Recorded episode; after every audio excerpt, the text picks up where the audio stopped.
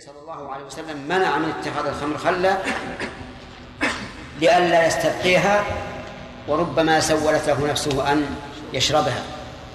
طيب. ومن فوائد هذا الحديث أن حرف الجواب يقوم مقام الجملة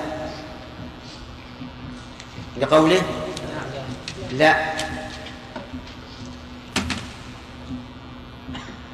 وهذا مضطرب حتى في العقود فلو قيل لرجل بيع عليه بيعة أقبلت البيع؟ قال نعم. انعقد البيع. ولو قال ولي الزوجة زوجتك بنتي؟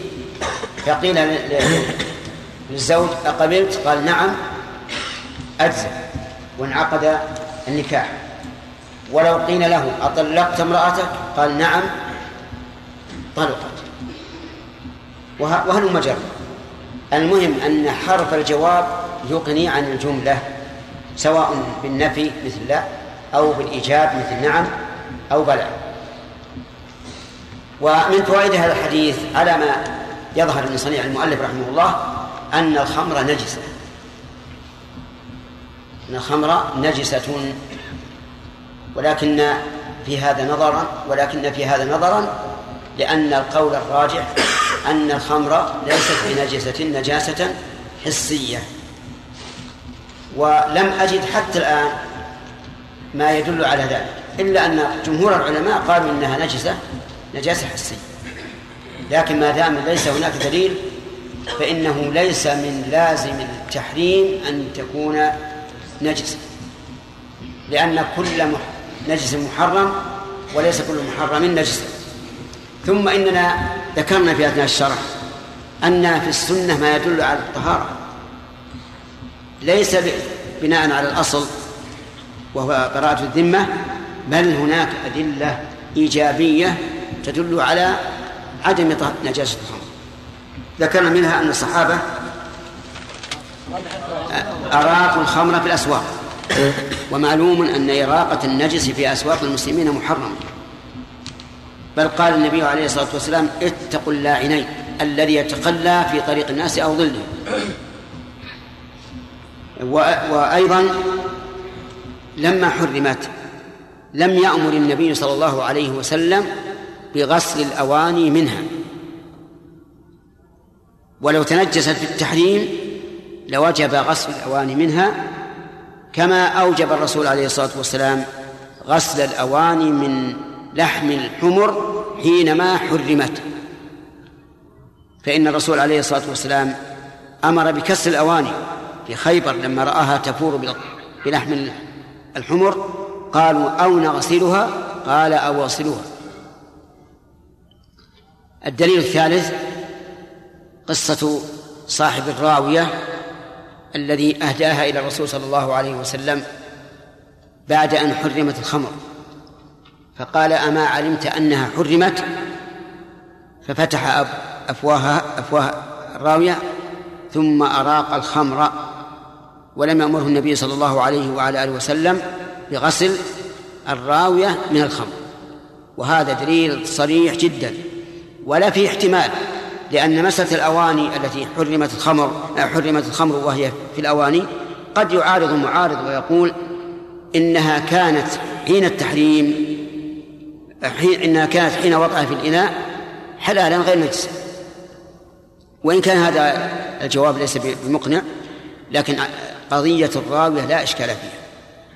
وهذا القول أعني أنها أي الخمر طاهرة حسا نجسة معنى هو الراجح. نعم.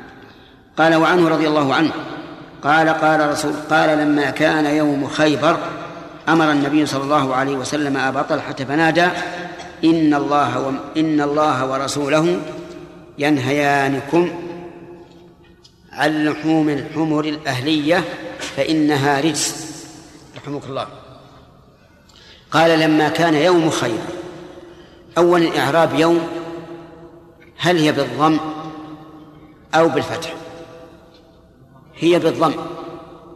فإذا قال قائل كيف تكون مضمومة وهي ظرف زمان؟ قلنا ظرف الزمان لا يكون منصوبا على الظرفية إلا إذا كان ظرفا لشيء. أما إذا كان مفعولا لشيء أو في محل المبتدأ أو في محل الجر أو ما أشبه ذلك فإنه يكون على حسب العوامل. فقوله تعالى واخشوا يوما هذه ما نقول إنها ظرف. نقول إنها نعم مفعول به. وإن يوما عند ربك نقول اسم إن. يوم يأتي بعض آيات ربك ماذا نقول؟ هذه ظرف. هذه ظرف. لأنها ظرف لإتيان بعض الآيات. فهي لا تكون منصوبة على الظرفية إلا إذا كانت ظرفا لشيء. وأما مجرد اسم الزمان أو المكان الذي ليس ظرفا فإنه يكون على حسب العوامل. وعلى هذا فقوله لما كان يوم خيبر تكون مضمومة على أنها فاعل وليست اسما لكان لأن كان هنا تامة ليست ناقصة وقول خيبر اسم قلوع آه، حصون وقلاع ومزارع لليهود وتبعد عن المدينة نحو مئة ميل في الشمال الغربي من المدينة وهي معروفة. وكانت وكان يوم خيبر في أي سنة؟ السنة السادسة من الهجرة. السابعة من الهجرة لأن النبي صلى الله عليه وسلم غزا أهل خيبر حين نقضوا العهد. وفتح عنوة وقسمها بين الغانمين لكن أهلها أهل خيبر وهم اليهود طلبوا من النبي صلى الله عليه وسلم أن يبقوا فيها مزارعة أن يبقوا فيها مزارعة وأبقاهم كما هو معروف. أمر أبا طلحة وأبو طلحة صلته بأنس أنه زوج أمه أم سليم أمر أبا طلحة فنادى أي قال بأعلى صوته لأن النداء هو الكلام بصوت مرتفع والنجاة والمناجاة هي الكلام بصوت منخفض. واقرأ قول الله تعالى وناديناه من جانب الطور الأيمن وقربناه نجيا.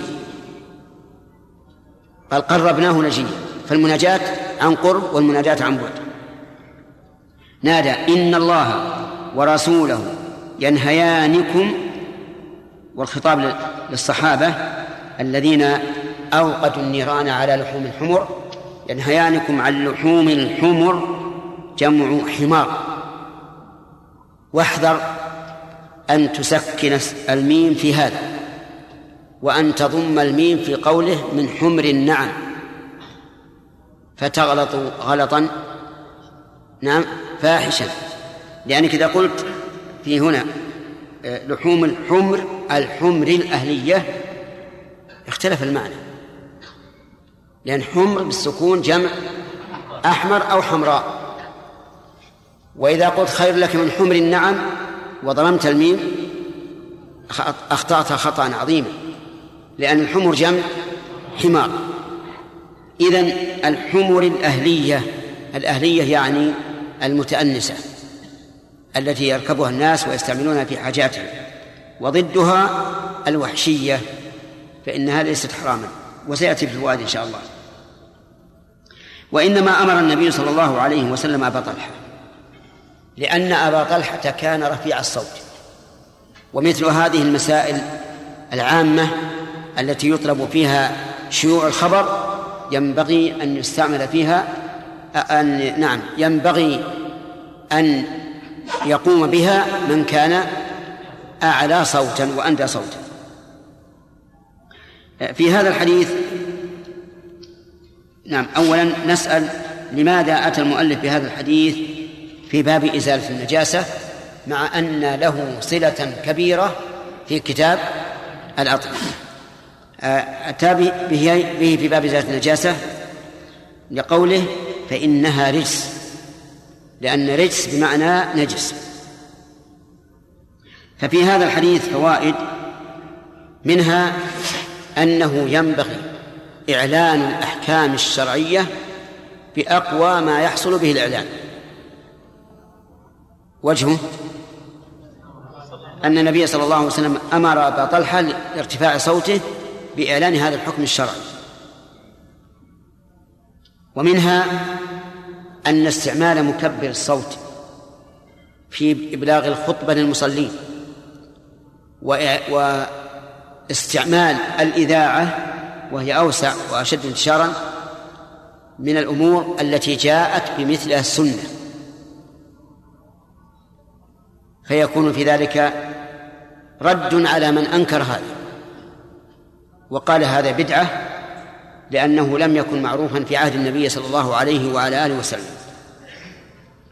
ومنها جواز الجمع بين اسم الله واسم الرسول بالواو في الأحكام الشرعية لقوله إن الله ورسوله ينهيانكم ولم يقل ثم رسول ووجه ذلك أن نهي الرسول صلى الله عليه وعلى آله وسلم من نهي الله.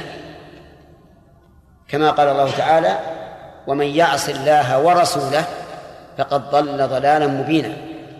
وقال الله تعالى من يطع الرسول فقد فقد أطاع الله. ولما كان الحكم الصادر من النبي صلى الله عليه وعلى آله وسلم كالحكم الصادر من الله صح أن يجمع اسم الله واسم الرسول صلى الله عليه وسلم بالواو. فإن قال قائل أين نهانا الله عن ذلك؟ وقد قال الله لنبيه قل لا أجد فيما أوحي إلي محرما على طاعم يطعمه إلا أن يكون ميتة أو دما مسفوحا أو لحم خنزير. ثلاثة. والحمر ليست منها. فأين نهى الله؟ فالجواب الآية الآية في سورة الأنعام. وسورة الأنعام مكية والحديث في خيبر بعد الهجرة. والآية ليس فيها أو نعم ليس فيها لن أجد فيما أوحي إلى محرم محرما. لو كان لفظ الآية يا أخواننا لو كان لفظ الآية لن أجد لكان هذا الحديث معارضا لها. لكن الآية لا أجد فيما أوحي إلي ولم يقل فيما يوحى إلي فالآية نزلت وفي حاء وفي أيام نزولها لم يكن محرما إلا هذه إيش؟ أنواع الثلاث. ولا معارضة لا معارضة بينها وبين الحديث إطلاقا. ولا بينها وبين نهي النبي صلى الله عليه وسلم عن كل ذي ناب من السباع وكل ذي مخلب من الطير. فالآية واضحة. وبأدنى تأمل يتبين لك أنه لا حاجة إلى الإتيان بها في معارضة هذا الحديث وأمثاله. طيب فإذا قال قائل سلمنا بذلك وأنه لا معارضة بين الآية وبين الحديث لكن أين نهي الله للرسول؟ نقول الذي أخبرنا بأن بأن بأن الله نهى من؟ الرسول عليه الصلاة والسلام. فيجب علينا أن نؤمن بذلك وأن نقول إن الله نهى عن لحوم الحمر الأهلية. أما في أي نص كان ذلك فإنه يكفي أن يكون الراوي لنا من؟ رسول الله صلى الله عليه وسلم. ولا حاجة أن نتنطع ونقول أين؟ و وأين الوحي؟ وما أشبه ذلك. فإن قال قائل ما الجمع بين هذا الحديث؟ إن الله ورسوله ينهيانكم عن لحوم الحمر الأهلية وبين ذم النبي صلى الله عليه وسلم للخطيب الذي قال من يطع الله ورسوله فقد رشد ومن يعصهما فقد غوى. يعصهما. وهنا قال ينهيانكم. فجمعهما في ضمير واحد. فقال النبي صلى الله عليه وسلم نعم. هنا قال النبي قال النبي صلى الله عليه وسلم فيما أمر به ابي طلحه ينهيانكم. والخطيب قال له بئس خطيب القوم أنت. بئس خطيب القوم أنت. فما الجواب؟ نقول الجواب من وجوه. الوجه الأول أن هناك فرقا بين الصيغتين. صيغة الحديث وصيغة الخطيب. صيغة الحديث ينهيانكم خبر لمبتدأ من من اثنين معطوف ومعطوف عليه. وإذا كان خبرا عن اثنين أحدهما معطوف والثاني معطوف عليه صار كأنه كأنه آه كان مركب من اثنين. كأنه مركب من اثنين. هذا واحد. أما الخطيب فيقول من يطع الله ورسوله فقد رشد ومن يعصهما هذه جملة مستقلة ليست خبرا عن الجملة الأولى ولا جوابا لجزاء نعم ولا جوابا لشرط فهي مستقلة. وإذا وإذا كانت مستقلة فيجب أن تستقل بلفظ الاثنين كل واحد على انفراد. فيقول ومن يعص الله ورسوله فقد غوى. واضح الفرق ولا غير واضح؟ الفرق واضح الآن من حيث من حيث التركيب. إن الله ورسوله ينهيانكم الجملة واحدة ولا اثنتان؟ واحدة. ينهيانكم الذي جمع فيها الضمير خبر لإن. فالجملة واحدة وهي خبر لاثنين كل واحد منهما ذكر على انفراد. فهي جملة واحدة. في الخطيب في عبارة الخطيب من يطع الله ورسوله فقد رشد. انتهت الجملة. ومن يعصهما فقد غوى. جاءت جملة جديدة. فصارت كأنها منفصلة عن الأولى. فإتيانه بالضمير مجموعا لاثنين يعتبر آه، خطأ. وأنه يقول وأن الفصاحة أن يقول ومن يعص الله ورسوله. فالفرق ظاهر بين الصيغتين ثانيا أن مقام الخطبة ينبغي أن يكون بالتفصيل والبسط والاختصار الشديد ينافي البيان في الخطبة. وأما هذا فهو بيان بيان حكم ما هو خطبة. وقد وبيان الحكم قد يكون من الفصاحة أن إيش؟ أن يختصر فيه. الجواب الثالث أن النبي صلى الله عليه وعلى آله وسلم يبعد في حقه وفي نطقه أن يجعل لله شريكا. وأما المخلوق فإذا جمع اسم الله واسم غيره بالواو فقد يعتقد أنهما سواء. لكن هذا الجواب ضعيف. لأن الخطيب جمع بينهما بإيش؟ بالواو. فهذا لا يعول عليه. والرابع أنه قيل أنه الخطيب ينبغي أن تكون خطبته واضحة. فإذا قال من يطع الله ورسوله فقد رشد ومن يعصهما فقد غوى. قد يتوهم السامع أن الغي لا يكون إلا بمعصية الله ورسوله أي إلا فيما ورد فيه نهي في الكتاب وإيش؟ والسنة. وهذا غلط. لكن عندي أن أقرب الأجوبة الأول وهو اختلاف الصيغتين. ويليه الثاني أن مقام الخطبة ينبغي فيه البسط. ومن فوائد هذا الحديث أن الأصل في النهي التحريم. لقوله ينهيانكم ثم علل أنها رجس والرجس محرم.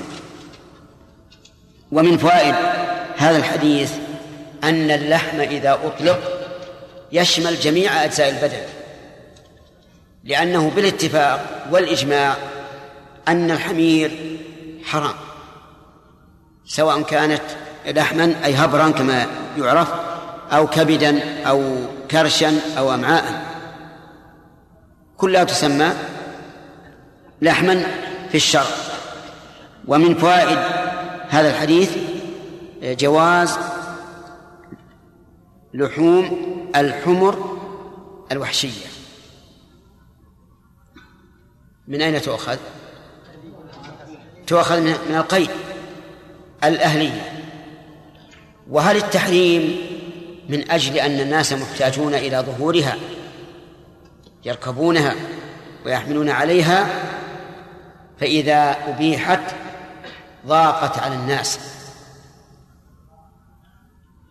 أو أن التحريم من أجل أنها خبيثة. الثاني لأن النبي صلى الله عليه وعلى آله وسلم نص عليه. ولأن العلة الأولى منتقضة. الناس إلى ظهور الإبل أحوج.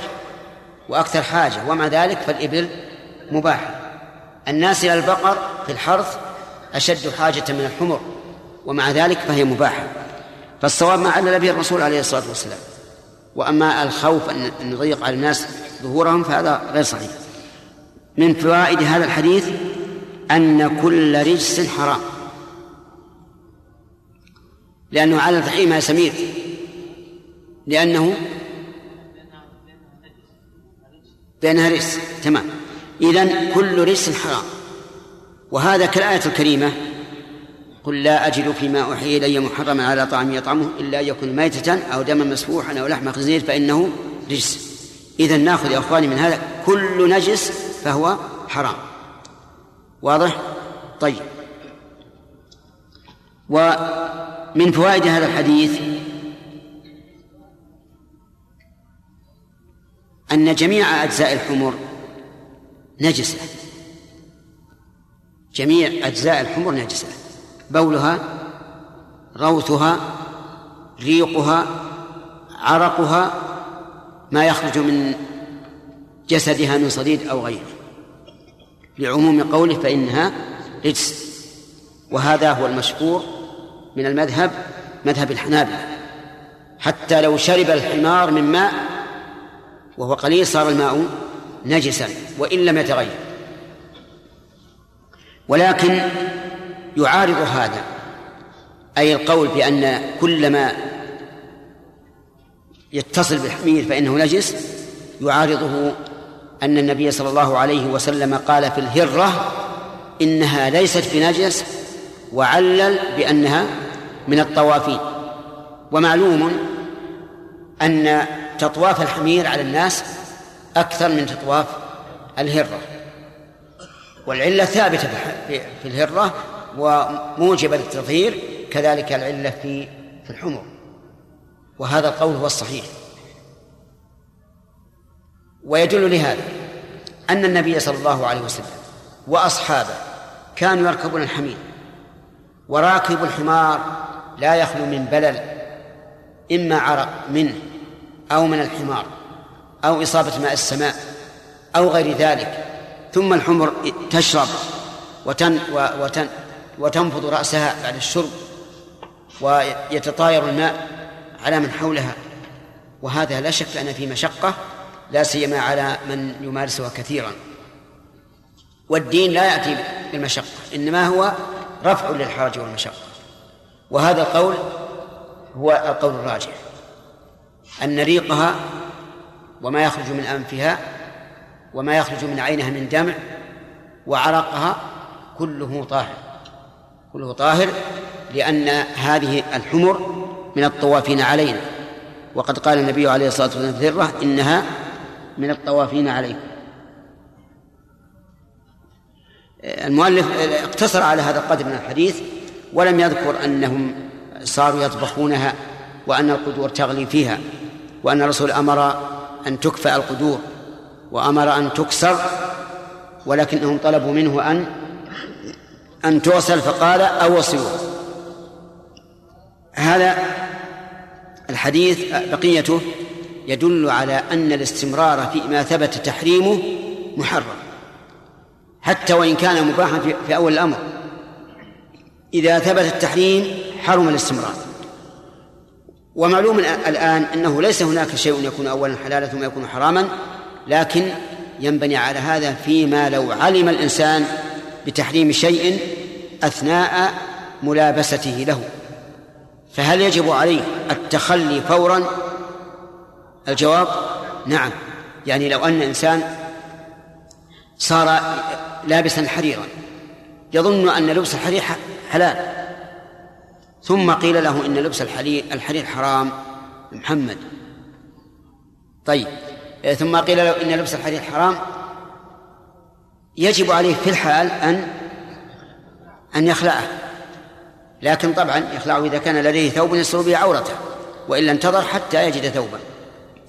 وكذلك لو قيل له إن هذا الشراب الذي تشربه الآن حرام مثل ما يوجد في بعض المشروبات يظن أنها حلال وهي حرام في غير بلادنا. بلادنا والحمد لله لا يرد عليها إلا شيء مختبر. وقت الأسئلة؟ ودك تتكي يا محمد؟ ما في منى ماشي؟ ودك تحتبي؟ تريد أن تحتبي؟ إيه ما يخالف. حبوة زين. زين. طيب.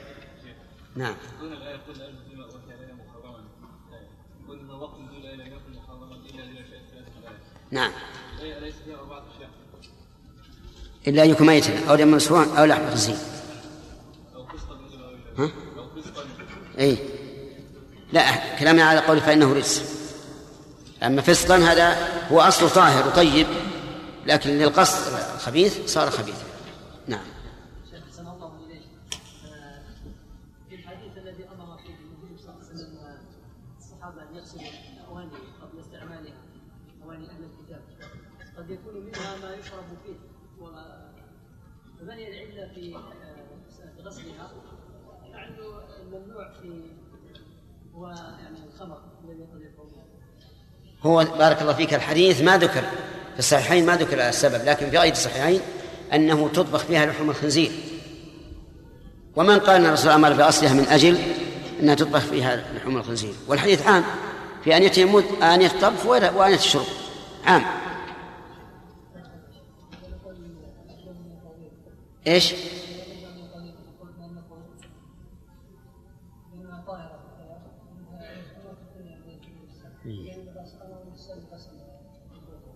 هذا يمكن.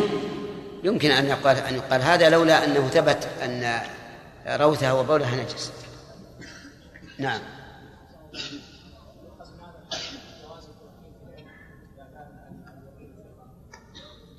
أي نعم. جواز التوكيل في إبلاغ العلم. أي نعم. يؤخذ من هذا. نعم. الجمع بين حديث خطيب والحديث الذي معه. الرسول قال بئس خطيب القوم أنت. الوجه نعم. الأول. ما فهمت يعني يعني وجه تأثيره من ناحية المعنى. أي نعم. حتى لو فصل يعني بينهم لكن ما ظهر لي. الفرق أنه إذا قال ومن يعصيهما في جملة مستقلة الضمير يعود على من؟ هذه جملة مستقلة. لكن ينهى ينهيانكم الضمير يعود على المبتلى وقال قال الشيخ ومن يعصيهما الله ورسوله. هو هذا هو قصد أي الله ورسوله. لكن الجملة الجملة في لفظها مستقلة. نعم لو الحمر الوحشية استأنست إيش؟ لو الحمر الوحشية أصبحت إيش؟ الحمر الوحشية استأنست هل تحرم؟ هذا يسأل يقول لو استأنست الحمر الوحشية فهل تحرم؟ الجواب لا اعتبارا بالأصل كما أن الحمر الأهلية لو توحشت لا تحل نعم لكن لو استوحشت بهيمة الأنعام ولم نقدر ولم نقدر عليها إلا بالرمي ورميناه أتحل؟ تحل؟ في أي موضع من بدنها؟ نعم صحيح لأن لأن بعيرا ندت في عهد الرسول عليه الصلاة والسلام وعجزوا عنها فرماها رجل بسهم فحبسها فقال النبي صلى الله عليه وسلم إن لهذه لأوابد كأوابد الوحش فما ند عليكم أو كلمة نحوها فاصنعوا به هكذا. نعم.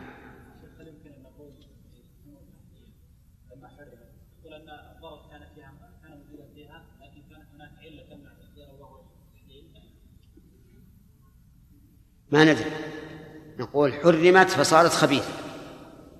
وأبيحت لما كانت لما كانت طيبة. ما ندري. قوله فإنه رجس ما ندري. هل هل الرزح حادث أو سابق؟ لكن إذا كان سابقا ففيه إشكال. لأن الحكم يجب أن يكون تابعا للعلم سلام اللهم رب هذه الدعوات التامة والصلاة والسلام على من تبعهم بإحسان إلى يوم الدين. آه، سبق لنا في حديث أنس في قصة خيبر آه، أنه يستفاد منه اختيار من هو أعلى صوتا في تبليغ الحكم الشرعي.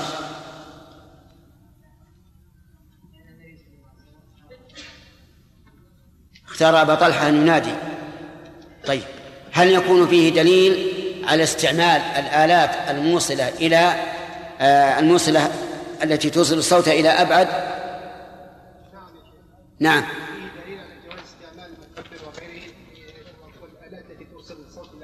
طيب.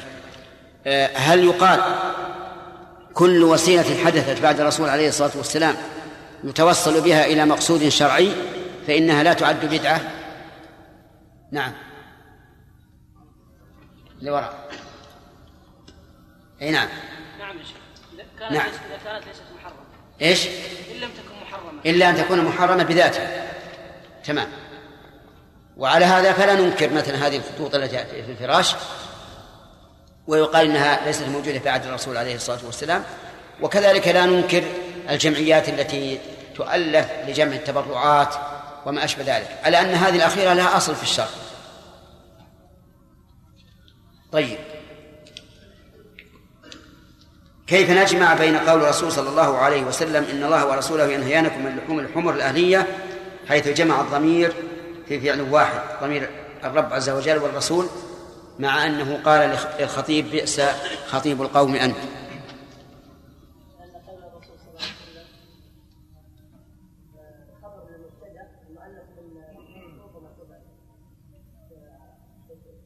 قول الصحابي فليس يعني من هذا يعني فيها أجوبة الواقع فيها أجوبة منها. الوجه الأول هو هذا أن أن الرسول صلى الله عليه وسلم في كلامه كان خبر لمبتدأ مؤلف من معطوف ومعطوف عليه. نعم. الوجه الثاني؟ يكفي. الوجه الثاني؟ مقام الخطبة البسط والتطويل والشرح ينبغي فيها البسط والتطويل والشرح أما الإعلام فينبغي فيها اقتصار على ما يفيد يكون الإعلام أسرع. تمام. نعم. قول قول الخطيب ومن يعصيهما فقد غوى. قد يتوهم السامع أن الغواية تكون في معصية الله ورسوله وهذا خطأ. معا. نعم؟ يعني معا. نعم. يعني أن الغي لا يكون إلا إذا كان النهي أو واردا أو الأمر واردا من الله ورسوله. فأما أمر أحدهما طيب صح. نجار.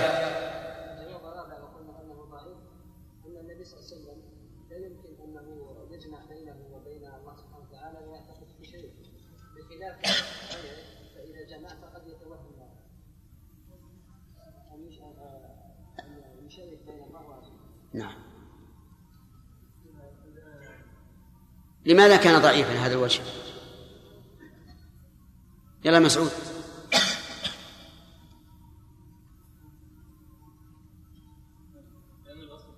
عامة. نعم. ولا يثبت التخصيص إلا بدليل. الأصل عدم الخصوصية. وهذه عن الخصوصية طريق يسلكه بعض الناس إذا عجز عن الجمع. قال هذا خاص بالرسول. وبعضهم إذا عجز عن الجمع قال هذا منسوخ.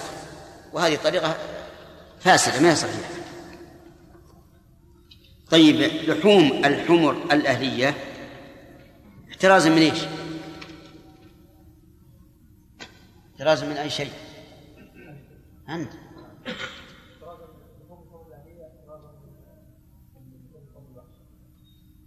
لكن هو هذا سؤالي. لست عن هذا أسأل.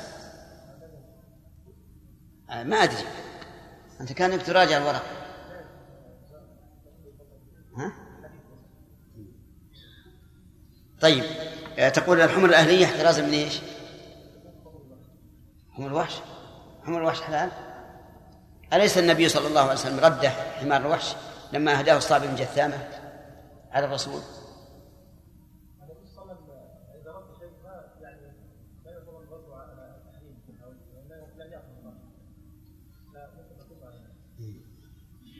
نعم. آه. رده على الصعب لأنه كان محرما والصعب صاده للرسول عليه الصلاة والسلام. والمحرم لا يأكل ما صيد له. واضح؟ إذن احترازا من الحمر الوحشية. ما ما رأيك لو تأهل الوحشي؟ نعم. يحرم أو لا يحرم؟ لا صار أهلي. إي نعم صار أهلي صار يأتي الإنسان ويحمل عليه ويدخله بالحوش ويركبه.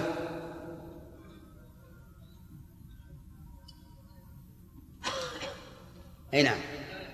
ها؟ لا نعم لا تأهل. لو تأهل يعني يركب عليه وبعدين يذبح ويأكله؟ نعم. ما تقولون؟ طيب. آه ما ظنك يا جابر لو أنه آه توحش الأهل؟ يحل. ها؟ لا يحل اعتبارا بالأصل. بارك الله فيكم طيب. ومثل ذلك في باب الإحرام لو أن الحمام الحمام آه، من المتوحش. لو تأهل فهو حرام على المحرم.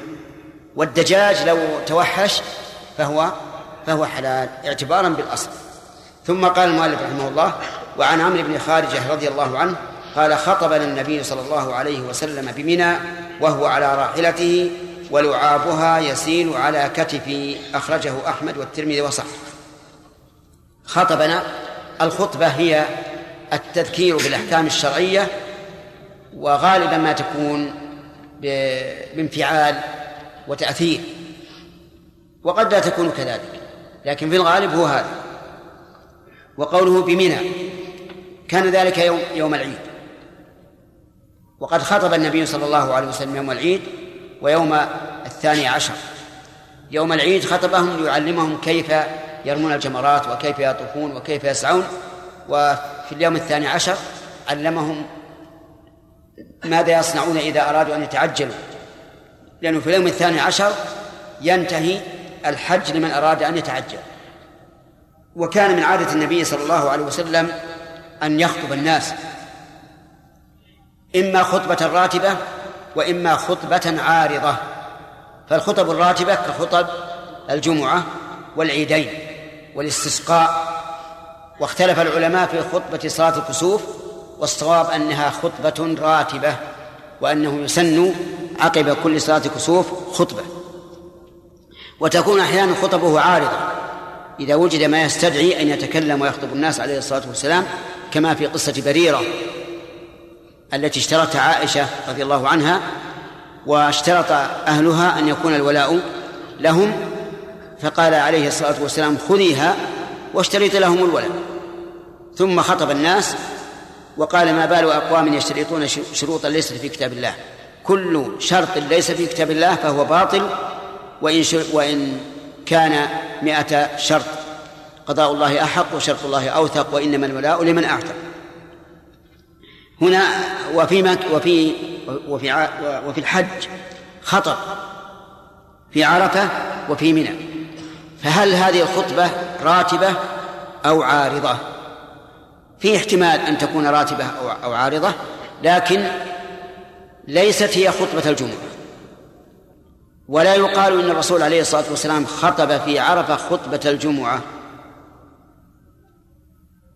وإن كان ذلك اليوم هو يوم الجمعة لكنها ليست خطبة الجمعة لأن الرسول عليه الصلاة والسلام خطب قبل الأذان فإنه خطب ثم أذن ولأنه خطب خطبة واحدة ولو كانت الجمعة لكانت خطبتين ولأن حديث جابر يقول ثم أقام فصلى الظهر ثم أقام فصلى العصر. فصرح بأنها الظهر وليست الجمعة. وأيضا لو كانت الجمعة ما جمعت إليها العصر لأن العصر لا تجمع إلى الجمعة. فالمهم أن هناك قرائن كثيرة تدل على أن خطبة النبي صلى الله عليه وعلى آله وسلم يوم عرفة ليست خطبة جمعة. قول وقوله بمنى منى اسم مكان وهو المشعر الحلال والحرام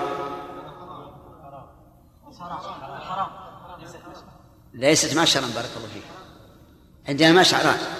مشعر حلال وهو عرفة ومشعر حرام وهو مزدلفة أما منى فهي مقر مقر الحجاج. قالوا وسميت منى لكثرة ما يمنى فيها من الدماء أي ما يراق فيها من الدماء. وقول وهو على راحلته الجملة حالية. حالية من فاعل خطب أي والحال أنه على راحلته وهي بعيره. وكانت البعير التي حج عليها تلقب بإيش؟ بالقصوى. والبعير التي كان عليها في عمرة الحديبية تلقب بالعظباء وكان من هدي الرسول عليه الصلاة والسلام أنه يسمي ما عنده من من الدواب أو البهائم وكذلك ما عنده من السلاح السيف الفلاني السهم الفلاني وما أشبه ذلك. وهذا هذا سنة فيها فائدة حتى لا يحصل اشتباه فيما لو قال لغلامه مثلا أعطني الناقة. أعطني الناقة إذا كان عنده عدة نوق يحتاج السفه ما أي النوق إذا قال أعطني العظباء أعطني القصواء انتهى المشكلة وتبين كل شيء. فيكون من هدي الرسول عليه الصلاة والسلام أنه يسمي مواشيه وكذلك سيف سيف. إذا نحن نسمي سياراتنا مثلا. أليس كذلك؟ هذا إذا كانت من جنس واحد. أما إذا كانت مختلفة مثلا حوض و اسمه هذا؟ غطاء غمارة. أي نعم هذه ما يحتاج. يكون يبين يبينها نفس الوصف. وقوله ولعابها يسيل على كتفه. الواو هنا يجوز أن تكون استئنافية ويجوز أن تكون حالية. حالية منين؟ حال من الهاء حال من الراحلة. حال من الراحلة. يعني والحال أن لعابها يسيل على كتفه. واللعاب ما يخرج من الفم من من الريق. و ففي هذا الحديث دليل على مسائل. المسألة الأولى أنه ينبغي لأمير الحاج والمسؤول عن الحاج أن يخطب الناس في منى يعلمهم ما يتعلق بالمناسك. فإن لم يتيسر ذلك بالنسبة لأمير الحاج فنوابه. وعلى هذا فرجال ينبغي لهم في ذلك اليوم أن يخطبوا. وأن يبلغوا الناس أحكام المناسك التي تفعل في ذلك اليوم.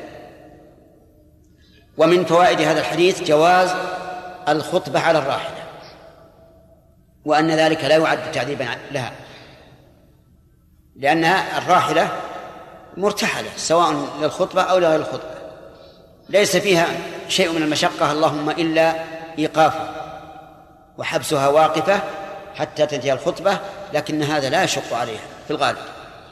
ومن فوائد هذا الحديث تواضع النبي صلى الله عليه وسلم حيث لم يطلب منبرا عاليا أو ما أشبه ذلك يخطب عليه وإنما خطب على الراحلة. ومن فوائد هذا الحديث آه، أن ريق البعير طاهر وهو ما يسيل من فمه. من أين يؤخذ؟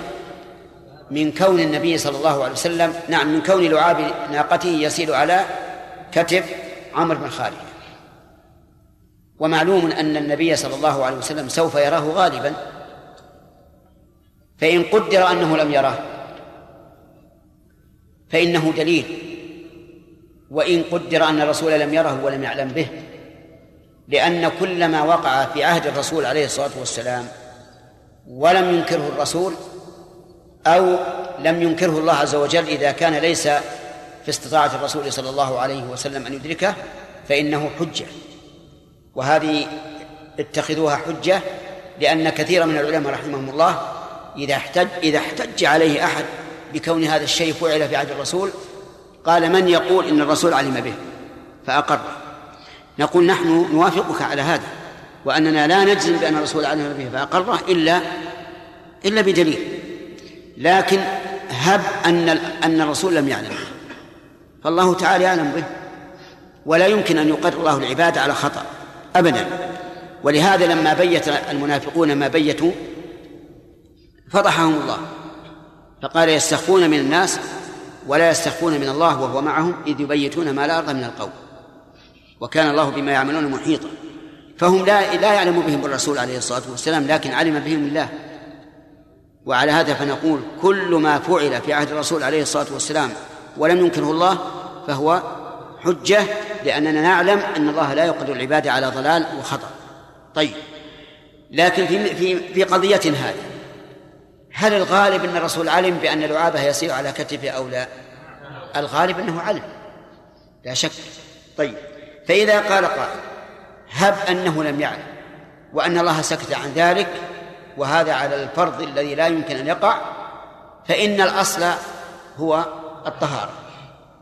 وليس بنا حاجة إلى أن نأتي بدليل إيجابي يدل على طهارة ريق البعير لأن الأصل هو الطهارة لكنه لا شك أنه إذا جاء إذا جاء الدليل مقرر الأصل كان ذلك أبلغ في الحجة. وهل نقيس على هذا؟ كل حيوان حلال فريقه طاهر. الجواب نعم إذ لا فرق. وعلى هذا فنقول كل حيوان حلال فإن جميع ما يخرج منه يكون طاهرا. ما عدا الدم المسفوح. فإن الدم المسفوح بنص القرآن أن أنه رجس لكن غير ذلك طاهر. البعر والبول والريق والمخاط والعرق طاهر. كل حيوان مأكول الأكل نعم كل حيوان مباح الأكل فإن ما يخرج منه من فضلات فإنها طاهرة.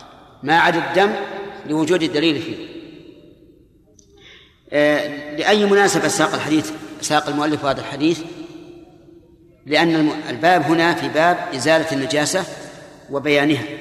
فأراد رحمه الله بسياق هذا الحديث أن يتبين أن لعاب الإبل ليس بنجس. ثم قال وعن عائشة رضي الله عنها قالت كان رسول الله صلى الله عليه وسلم يغسل المني ثم يخرج إلى الصلاة في ذلك الثوب وأنا أنظر إلى أثر الغسل متفق عليه ولمسلم لقد كنت أفركه من ثوب رسول الله صلى الله عليه وسلم فركا فيصلي فيه وفي لفظ الله لقد كنت أحكه يابسا بظفري من ثوبه. هذا الحديث فيه بيان حكم المني والمني هو الماء الدافئ الذي يخرج من الإنسان بشهوة. فلا بد أن يكون دافقا حتى يصدق عليه أنه مني صحة وليس مني مرض لأن المني قد يخرج من مرض لكن الكلام على المني الذي يخرج من الصحة وهذا لا يكون إلا إيش؟ إلا دافقا لقول الله تعالى فلينظر الإنسان مما خلق خلق من ماء دافق هذا حديث تقول عائشة إن الرسول يغسل المني ثم يخرج إلى الصلاة في ذلك الثوب وأنا أنظر إلى أثر الغسل يعني أنه يصلي فيه عليه الصلاة والسلام وهو لا يزال رطبا لم ييبس من من غسله. فهذا الحديث نعم. آه، ذكر المني. قد يوجب لنا أن نذكر ما يخرج من من الذكر. الذي يخرج من الذكر أربعة أنواع. المني والمذي والبول والودي. أربعة أنواع. كلها مختلفة. إلا الودي مع البول. المني سيتبين لنا إن شاء الله من الحديث أنه طاهر. موجب للغسل. المذي بين الطهارة والنجاسة. ليس من من النجاسات آه، الثقيلة ولا من الطاهرات.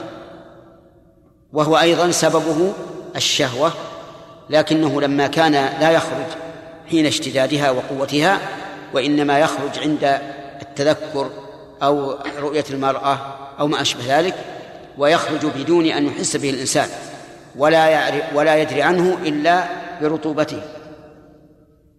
هذا بين بين جعله الشارع بين هذا بين المني والبول فهو يوجب غسل الذكر والأنثيين وإن لم يصبهما ويوجب أيضا أن ينضح ما أصابه نضحا بحيث يغمر بالماء دون أن يتقاطر منه ودون أن يعصر ويفرق البول والودي حكمهما واحد.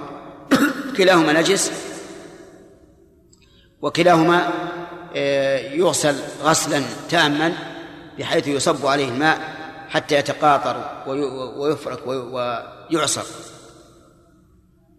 تقول رضي الله عنها كان يغسل المني ثم يخرج إلى الصلاة في ذلك الثوب وأنا أنظر إلى أثر الغسل متفق عليه.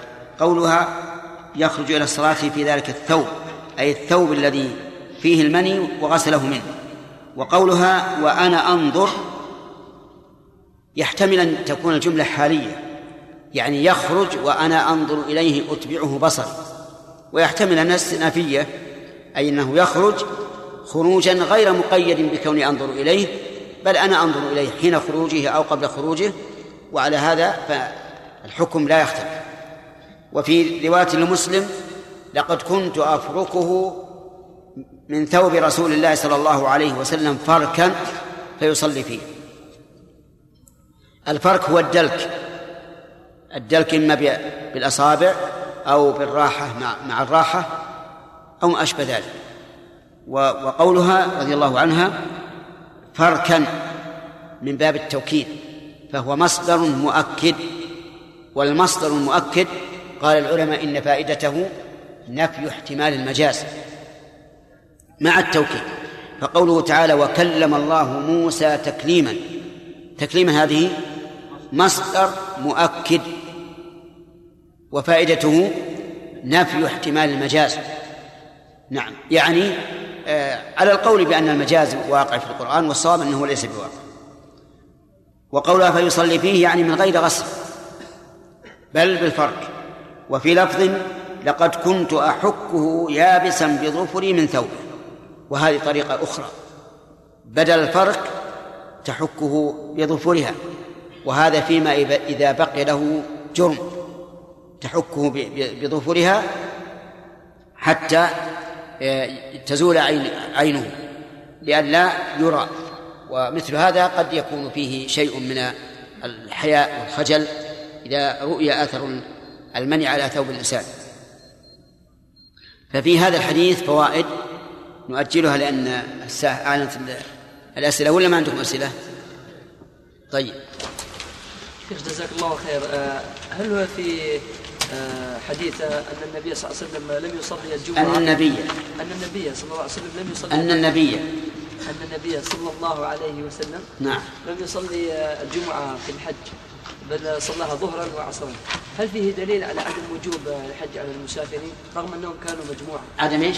وجوب صلاة الجمعة على المسافرين رغم أي نعم. أنهم كانوا لا. لا لا. الله يهديك. فيه دليل على تحريم صلاة الجمعة على المسافرين. مو على أنها ليست واجبة بل هي لا تجوز.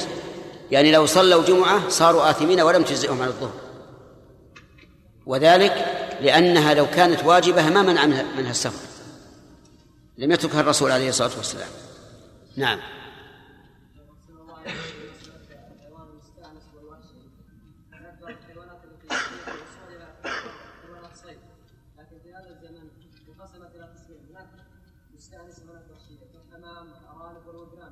إي نعم. لا أبدا الارانب والحمام كلها وحش والدجاج أهلي لا كل كل واحد. أي ولو ربيت في البيوت الاعتبار بالأصل. حتى في الصفات تختلف. إي نعم. نعم. بارك الله فيك. إذا هذا يحتمل أنها راتبة وأنها عارفة نعم. وخطبة منى التي في عنها هي نفس الشيء. يحتمل أن الرسول عليه الصلاة والسلام لأن هذه أول حجة بعد فرض الحج أنه بينها خطب ليبين ويحتمل أنها راتبة بمعنى أن نقول إنه تسن الخطبتان على كل تقدير. نعم.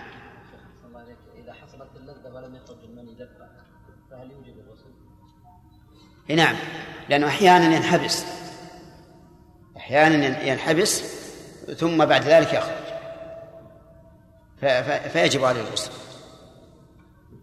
نعم صالح. الملء الذي يجب الغسل هو الذي يخرج بدفع. مع أن قول النبي صلى الله عليه وسلم في حديث أبي سعيد عام انما الماء من الماء نعم. معروف. الماء يعني المني وهو الذي يكون إي نعم. نعم. كل وسيلة آه، لا يعني تؤدي إلى مقصود شرعي أو إلى أو, أو إلى شيء مشروع أخذت حكم هذا المشروع. نعم آه، لا فهي مشروعة لا لا لا, لا تكون تأخذ حكمها لأن هذا غاية وذي وسيلة ف- فهي مشروعة. نعم ما لم تكن ما لم تكن محرمة في ذاتها. نعم فأنا كنت أعلم اما عنكم حفظه الله أو عن عن بعض ال- الأفاضل يعني من العلماء الآخرين بأنه يشترط أن لا تكون هذه الوسيلة ممكنة في عصر النبي صلى الله عليه وسلم وقامت الداويه على فعلها ثم لم يفعلها عليه الصلاة والسلام. هذه هذه معروفة. هذه حتى كل شيء حتى وإن لم يكن وسيلة. ما وجد سببه في عهد الرسول عليه الصلاة والسلام ولم يفعله فإن الأصل أنه غير مشروع. غير مشروع. لكن قد يقال مثلا أن الرسول تركه في أحيان في بعض الأحيان لئلا يشق على الأمة أو ما أو, أو تكون الوسيلة في ذلك الوقت فيها شيء من الصعوبة فيدعها نعم يحيى رجل استيقظ. من نومه. ووجد بللا على ثوبه فلم يتأكد أنه مني. كان الشيخ في الروض المربي في تفصيل يعني إذا سبق نومه ملاعبة أو تفكر أو كذا لم يغتسل وإلا يغتسل نعم. هذا التفصيل صحيح شيخ. الذي نرى أنه إذا لم يتأكد أنه مني فالأصل أن لا حدث وأنه لا لا يجب عليه الغسل. هذا هو الأقرب. لقول الرسول عليه الصلاة والسلام لا ينصرف حتى يسمع صوتا أو يجد ريحا. لكن تعليل الفقهاء رحمهم الله يقولون إنه إذا سبق نومه مباشرة أو تذكر أو ما أشبه ذلك ولم يخرج شيء في اليقظة فهذا يكون مذيا اعتمادا على آه، ما سبق. لكن قد يقال تت- تتجدد له الشهوة مرة أخرى في منامه. يعني نرد عليهم بهذا. ثم نقول الأصل عدم إيش؟ عدم وجوب الغ- الغسل. هذا هو الأصل. فما دام الإنسان لم يتأكد فلا شيء عليه. نعم آخر واحد. للوديع الودي. بالنسبة للوديع نعم. إذا لم ينزل شيء منه على الكفين فهل نكتفي بغسل الذكر فقط؟ إي نعم الودي بارك الله فيك هو هو نفس البول لكنه عصارة المثانة. ولا هو نفس البول لا لا ما تغسله. تغسل ما, ما تغسله في البول فقط. نعم. الحكم يدور مع العله وجودا وعدما يا شيخ. نعم. فإذا استأنس الوحشي فما يكون حرام يا شيخ بناء على هذا القاعده ما يصير لأن هذا أصله ثابت. أصله ثابت ولهذا قال الرسول عليه الصلاة والسلام ما ند منها يعني من ال- البهائم الأهلية فاصنعوا به هكذا ولم يقل ما ند منها صار وحشا.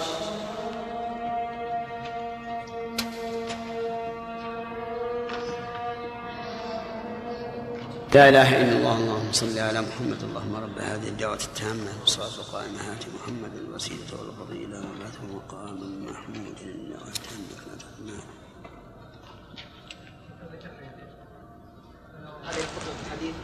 قد تكون عارضة وقد تكون راتبة لكنها ليست خطوة الجمعة مع أن اليوم يوم الجمعة اي يوم عرفة في حجة الوداع صادف يوم الجمعة هل أنت ترى أنه إذا صادف يوم الجمعة تكون حجة عن سبيل حجة؟ كم؟ حجة واحدة نعم العامة يقولون تكون سبيل حجة ها؟ كذا؟ شلون يعني؟ ها؟ إيه. لا. إن قلنا لا ابشر معناها اقررناها على هذا. عجيب. ها فيما بينهم. يقول يعني يهنئ صاحبه. إيه. نعم. استثنينا من الحيوان المأكول. كل ما يخرج منه إلا الدم المسفوح. نعم. طيب مثلا إذا جرحت الشاة ثم جاء يطببها ويعالجها والدم سال عليه. ما هو مسفوح. الدم مسفوح كل دم يسيل دون زكاة. ي- لا مو بالزكاة. كل ما يسيل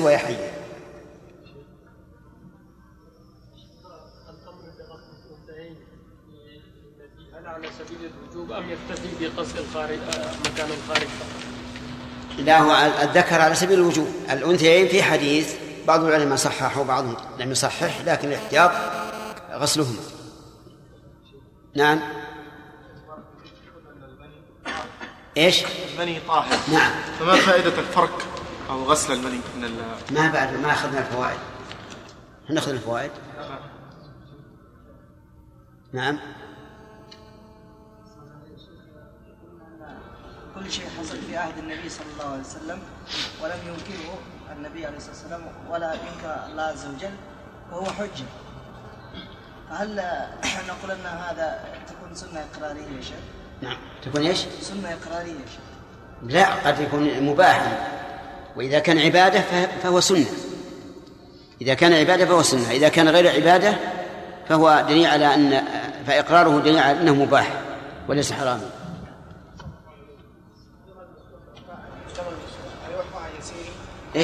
يعفى عن المسواك سيأتينا إن شاء الله تعالى في بعد ما نكمل الب- الباب. نستعرض أنواع النجاسات. وهل يعفى عنها أو لا يعفى؟ نعم.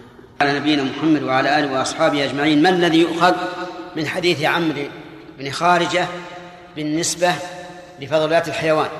إبراهيم. طهارة لعاب الحيوان؟ الذي أكل له. طيب.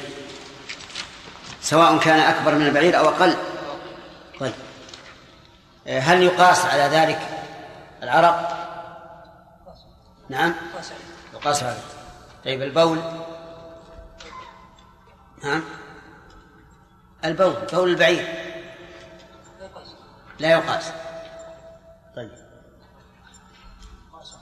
يقاس عليه لأن الكل فضلات من البدن. على أن البول في حديث واضح. حديث العرانيين الذين أمرهم النبي عليه الصلاة والسلام أن يأكلوا من أن يشربوا من أبوال الإبل وألبانها طيب.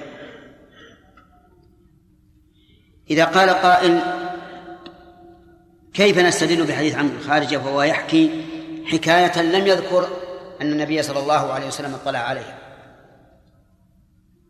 لأن كل ما وقع في عهد النبي صلى الله عليه وسلم ولم ينكر فهو حجة ودليل. طيب. إذا قال قال الرسول ما علم يحتمل ما علم. إذا لم يعلم.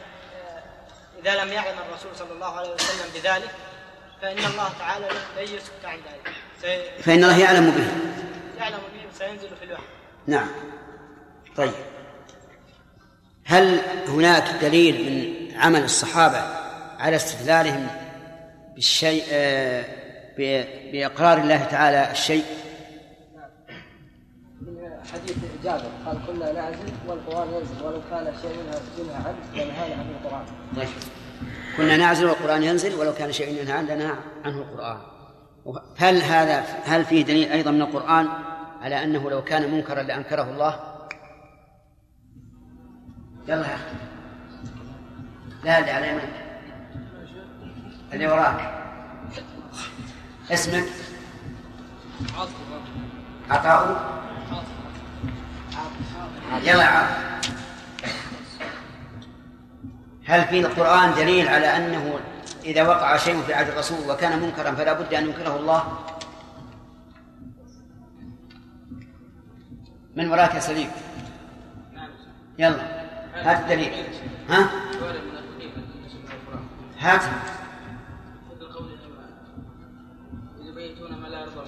يستخفون من الناس؟ يبيتون ما لا يرضى من القول. نعم. حيث بينه الله عز وجل ولم يعلم به النبي صلى الله عليه وسلم. أحسن. بارك الله حديث عائشة رضي الله عنها أخذ ما أخذ الفوائد ما أخذ الفوائد. طيب. ها؟ إيش؟ بسم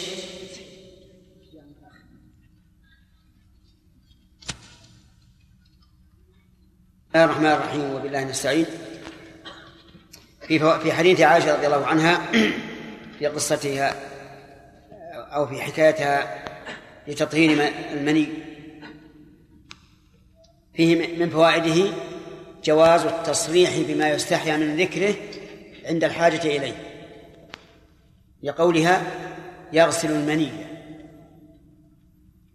فإن قال قائل كيف صرحت بذلك وهو مما مما يستحيا منه غالبا ومما يتعلق بالاستمتاع بالنساء؟ وعلي رضي الله عنه استحيا أن يسأل النبي صلى الله عليه وسلم عن المدي حيث إنه يتعلق بالشهوة لأنه كان زوج ابنته. فالجواب عن ذلك أن يقال إن الناس يختلفون في الحياء. فعلي معذور مع أنه رضي الله عنه لم يهمل الأمر وكل من يسأل عنه.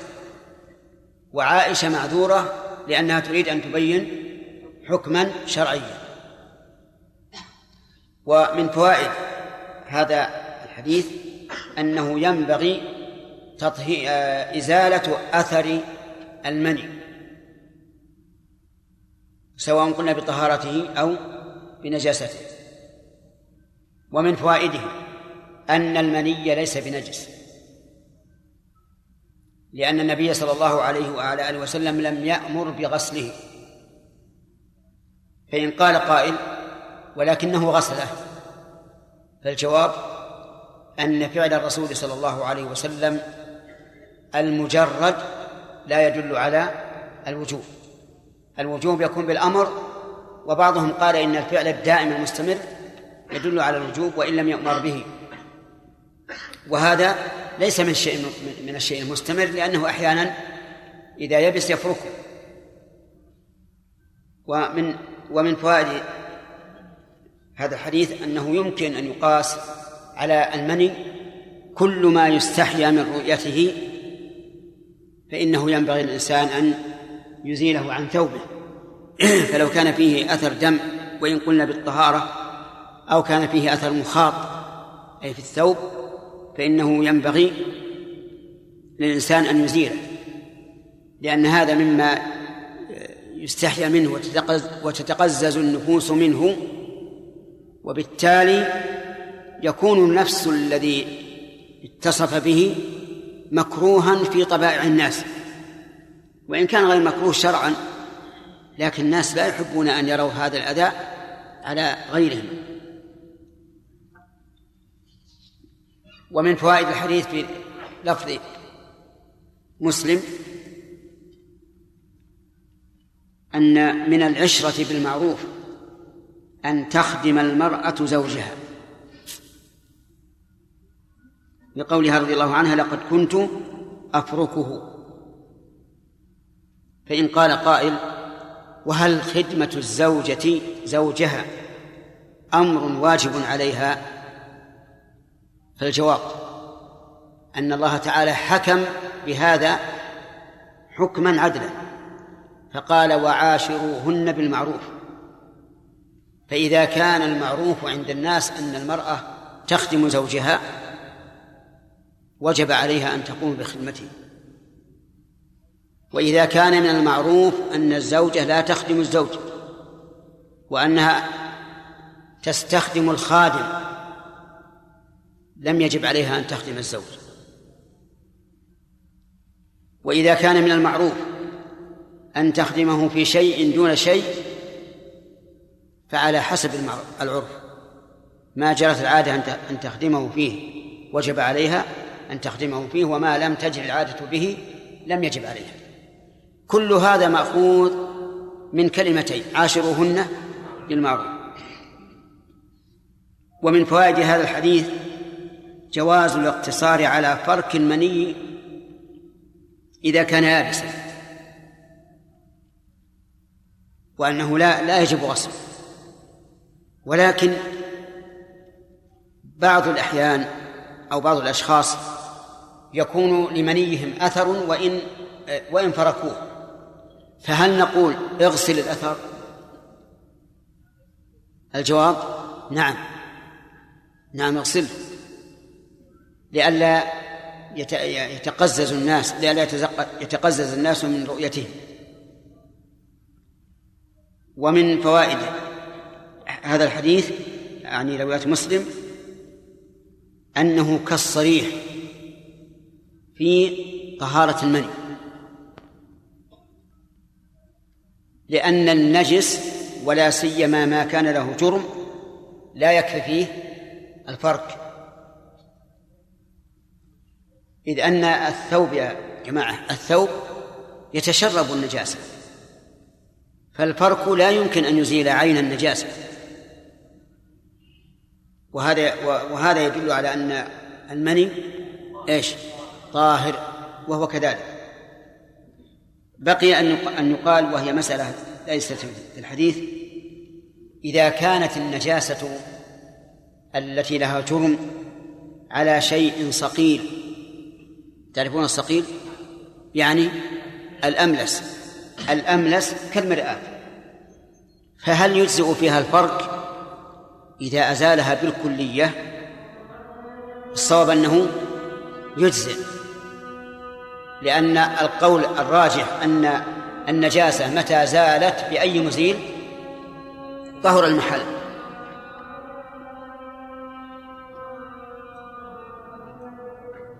الله أكبر. اللهم رب هذه الدعوة التامة والصلاة القائمة آت محمد الوسيلة والفضيلة. وبعثه مقاما محمودا وأنت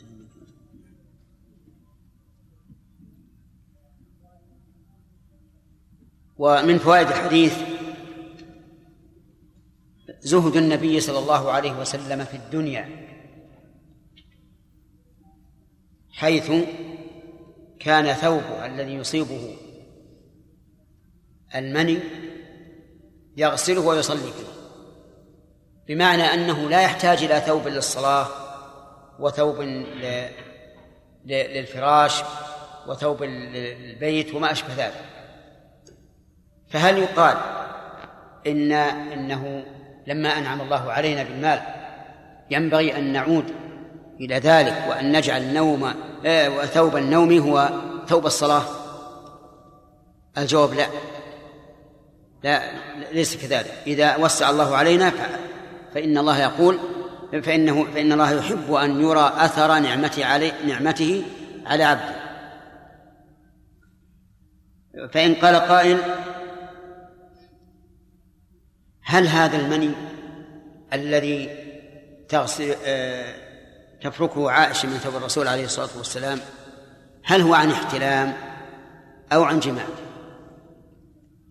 فالجواب أنه عن عن جماع لأن النبي صلى الله عليه وسلم لا يحتلم. فإن من خصائصه عليه الصلاة والسلام أنه لا يحتلم كما ذكر ذلك أهل العلم. ومن فوائد اللفظ الثاني لمسلم جواز تأكيد الشيء بأي مؤكد. وذلك من قولها كنت أحكه يابسا بظفري. التوكيد هنا هل هو بظفري هل هو في قولها بظفري أو في قولها يابسا؟ أو فيهما؟ فيهما. لأن لأنه لا يمكن الحك إلا في حال إلا إذا كان يابسا والحك أيضا لا يكون إلا بالظفر. والله أعلم. نعم. أن كل فضلات مأكول اللحم من بول وغائط ونحوها نعم سم. بسم الله الرحمن الرحيم.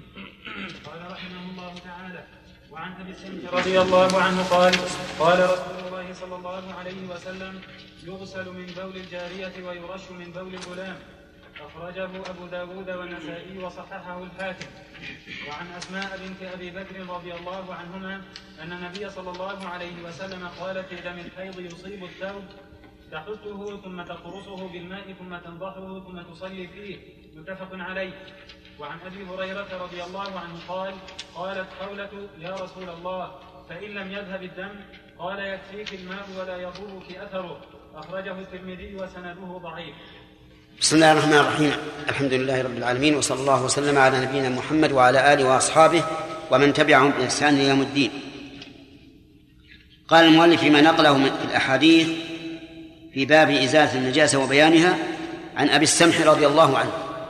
أبو السمح هذا أحد خدم الرسول صلى الله عليه وسلم. روى عنه هذا الحديث يغسل من بول الجارية أي الأنثى الصغيرة. ويرش من بول الغلام أي الذكر الصغير. يغسل يعني البول. ويرش يعني البول. يعني إذا أصاب إذا أصاب الإنسان بول جارية فإنه يغسل كما تغسل سائر الأبوال إذا أصابه بول غلام فإنه آه، يرش. والمراد بالرش هنا النضح. بحيث يصب عليه الماء وإن لم يتقاطر ويكفي أدنى شيء. سبب هذا الحديث أن أبا السمح رضي الله عنه كان يخدم النبي صلى الله عليه وسلم فأتاه بالحسن أو الحسين فبال على صدره فأراد أن يغسله أبو السمح فقال النبي صلى الله عليه وسلم هذا فيكون هذا الحديث له سبب. والعبرة كما قال العلماء بعموم اللفظ لا بخصوص السبب. وعلى هذا فيكون عاما. فإن قال قائل ما هو الضابط في ما يغسل وما يرش من بول الغلام قلنا الضابط ما ثبت في الصحيحين أن النبي صلى الله عليه وعلى آله وسلم أتي بصبي لم يأكل الطعام. فبال في حجره فأمر النبي صلى الله عليه وسلم بماء فنضحه.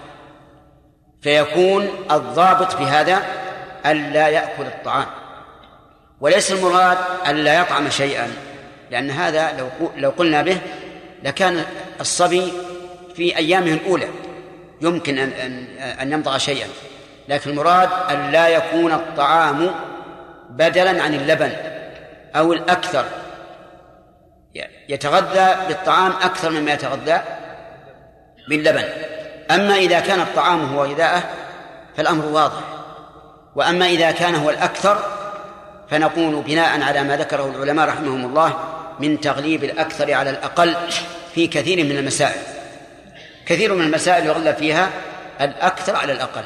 فمثل الحيض إذا زاد على خمسة عشر يوما صار هذا الدم استحاضة وليس حيض تغليبا للأكثر.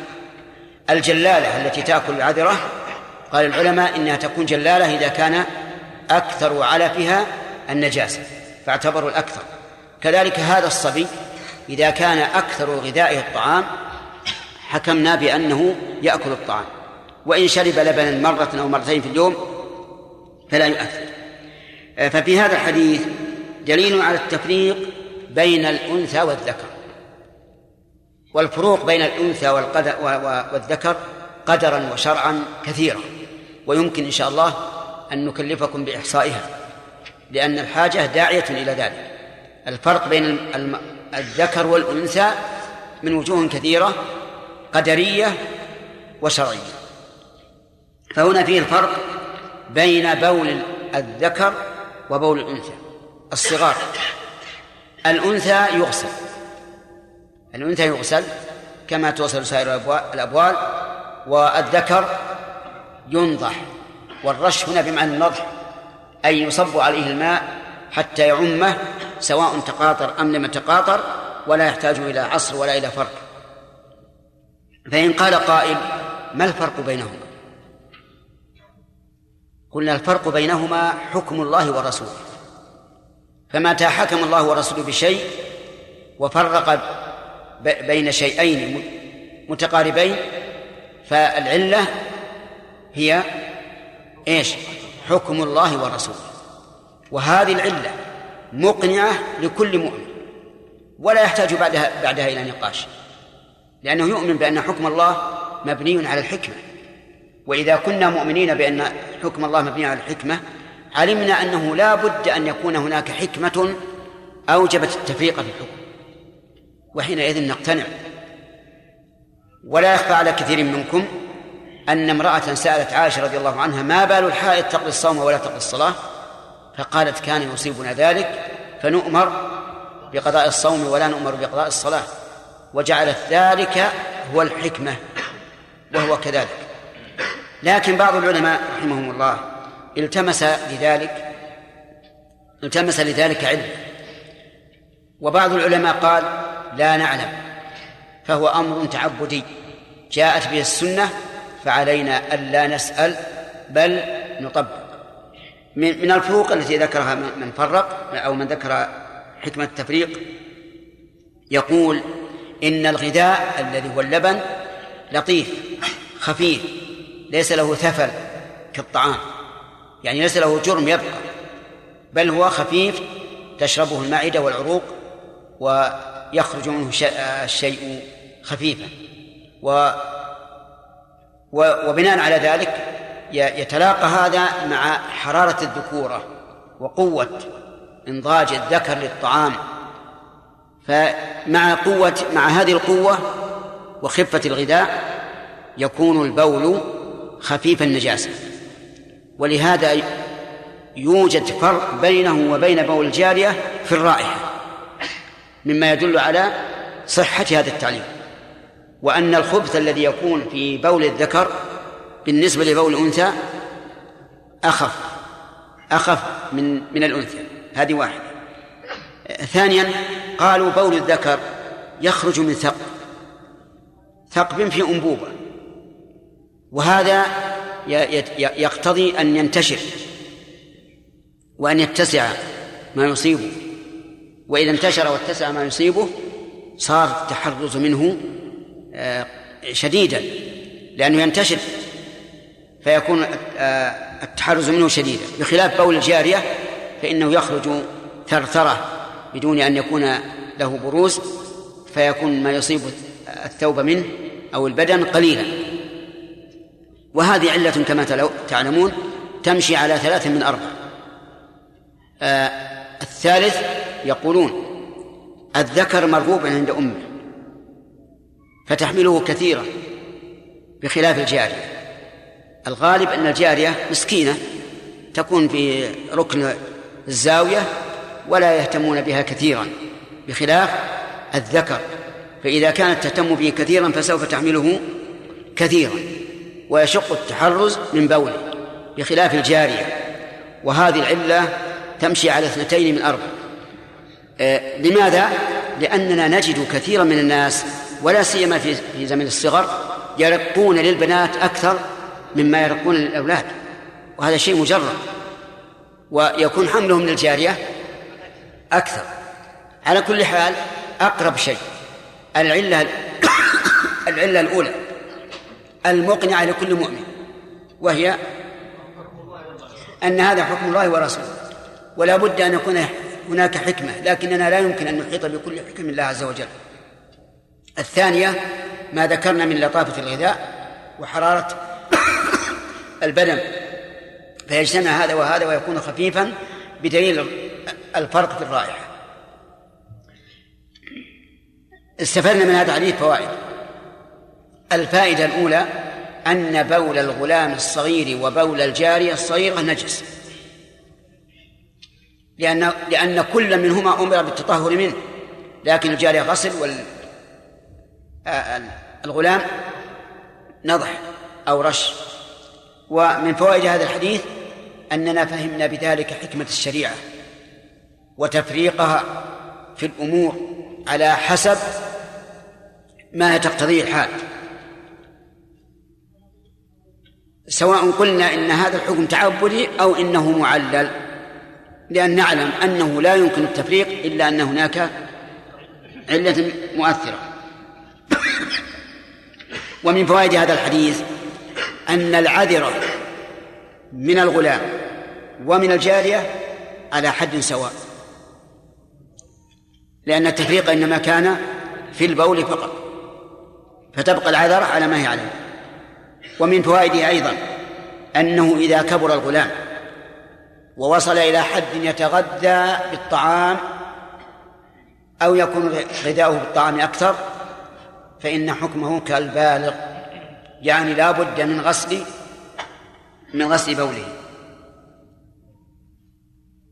ومن فوائد هذا الحديث جواز التصريح بذكر البول من بول الجارية ويرش من بول الغلام. وكثير من الناس إذا أراد أن يعبر عن البول قال أريد أن أقضي الحاجة لا بأس لكن يقول أطيل الماء. هذه لغة عامية قصيمية ما أدري هي عندكم ولا لا. نعم. وجزائرية وحجازية طيب. آه، الماء أو أطيل الشراب. يقول في الفروع وهو من أكبر تلاميذ شيخ الإسلام ابن تيمية وأعلمهم بفقهيات شيخ الإسلام ابن تيمية حتى كان ابن القيم يرجع إليه في فقهيات شيخ الإسلام. يقول الأولى أن يقول أبول ولا يقول أريق الماء. لأن هذا غلط. هل البول الآن ماء؟ لا. كيف تقول أريق الماء؟ أريق الماء إذا كان ماء يشرب وفي إناء. لكن الآن هذا نجس. فقل أبول كما قاله النبي عليه الصلاة والسلام. يغسل من بول الجارية ويرش من بول الغلام. وعن أسماء بنت عنها عنهما. أسماء بنت أبي بكر رضي الله عنهما ولا عنها؟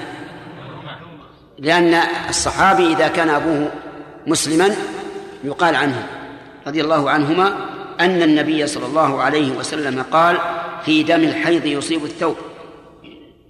دم الحيض الحيض هو دم طبيعة وجبلة ترخيه الرحم إذا بلغت المرأة سن المحيض واستعدت للحمل.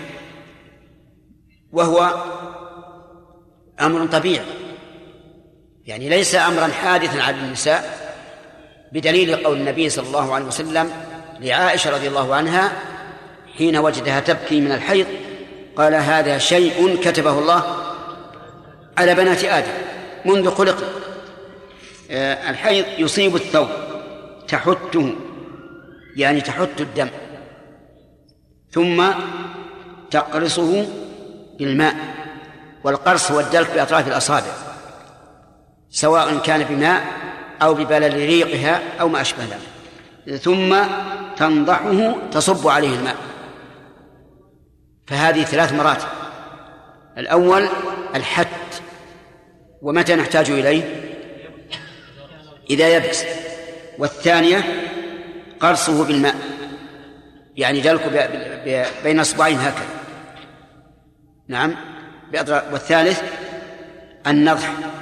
والمراد بالنضح هنا الغسل ثم قال ثم تصلي فيه متفق عليه. وهذا كأنه والله أعلم أن كأن النبي صلى الله عليه وسلم استفتي في ذلك. في المرأة يصيب ثوبها الحيض أتصلي فيه أو لا؟ فقال هذا. و وهذا الحديث آه، نأخذ فوائده لأن معناه واضح. من فوائده أن أن دم الحيض نجس. لأنه لما ذكر تطهيره بالمراتب التي سمعتم قال ثم تصلي فيه. فدل هذا على أنه لا بد من إزالته قبل الصلاة وهو يدل على أنه نجس. ومن فوائد هذا الحديث أنه لا يعفى عن يسير. لقوله ثم تقرصه بالماء ثم ثم تقرصه بالماء وهذا لا يكون غالبا إلا في الشيء القليل. أما الشيء الكثير فلا بد من طحنه بالراحة يعني براحة اليد كلها. لكن القليل هو الذي يكون بالقرص. فيكون هذا في هذا دليل على أن دم الحيض لا يعفى عن يسير. بقية الدماء. القول الراجح فيها أنها ليست بنجسة الدماء الخارجة من الإنسان ليست بنجسة لأنني إلى ساعة هذه ما وجدت دليلا يدل على النجاسة وقد تقرر أن الأصل في الأشياء الطهارة إلا بدليل. وذكرنا عند الحديث ما قطع من البهيمة وهي فهو ميت. ذكرنا آه، أن القاعدة تقتضي أن لا يكون نجسا لأن طهارة الآدم لأن ميتة الآدمي طاهر فمن انفصل منه في حياته يكون طاهرا كما لو قطعنا يدا من, من يديه مثلا أو رجلا من رجليه فهي طاهرة.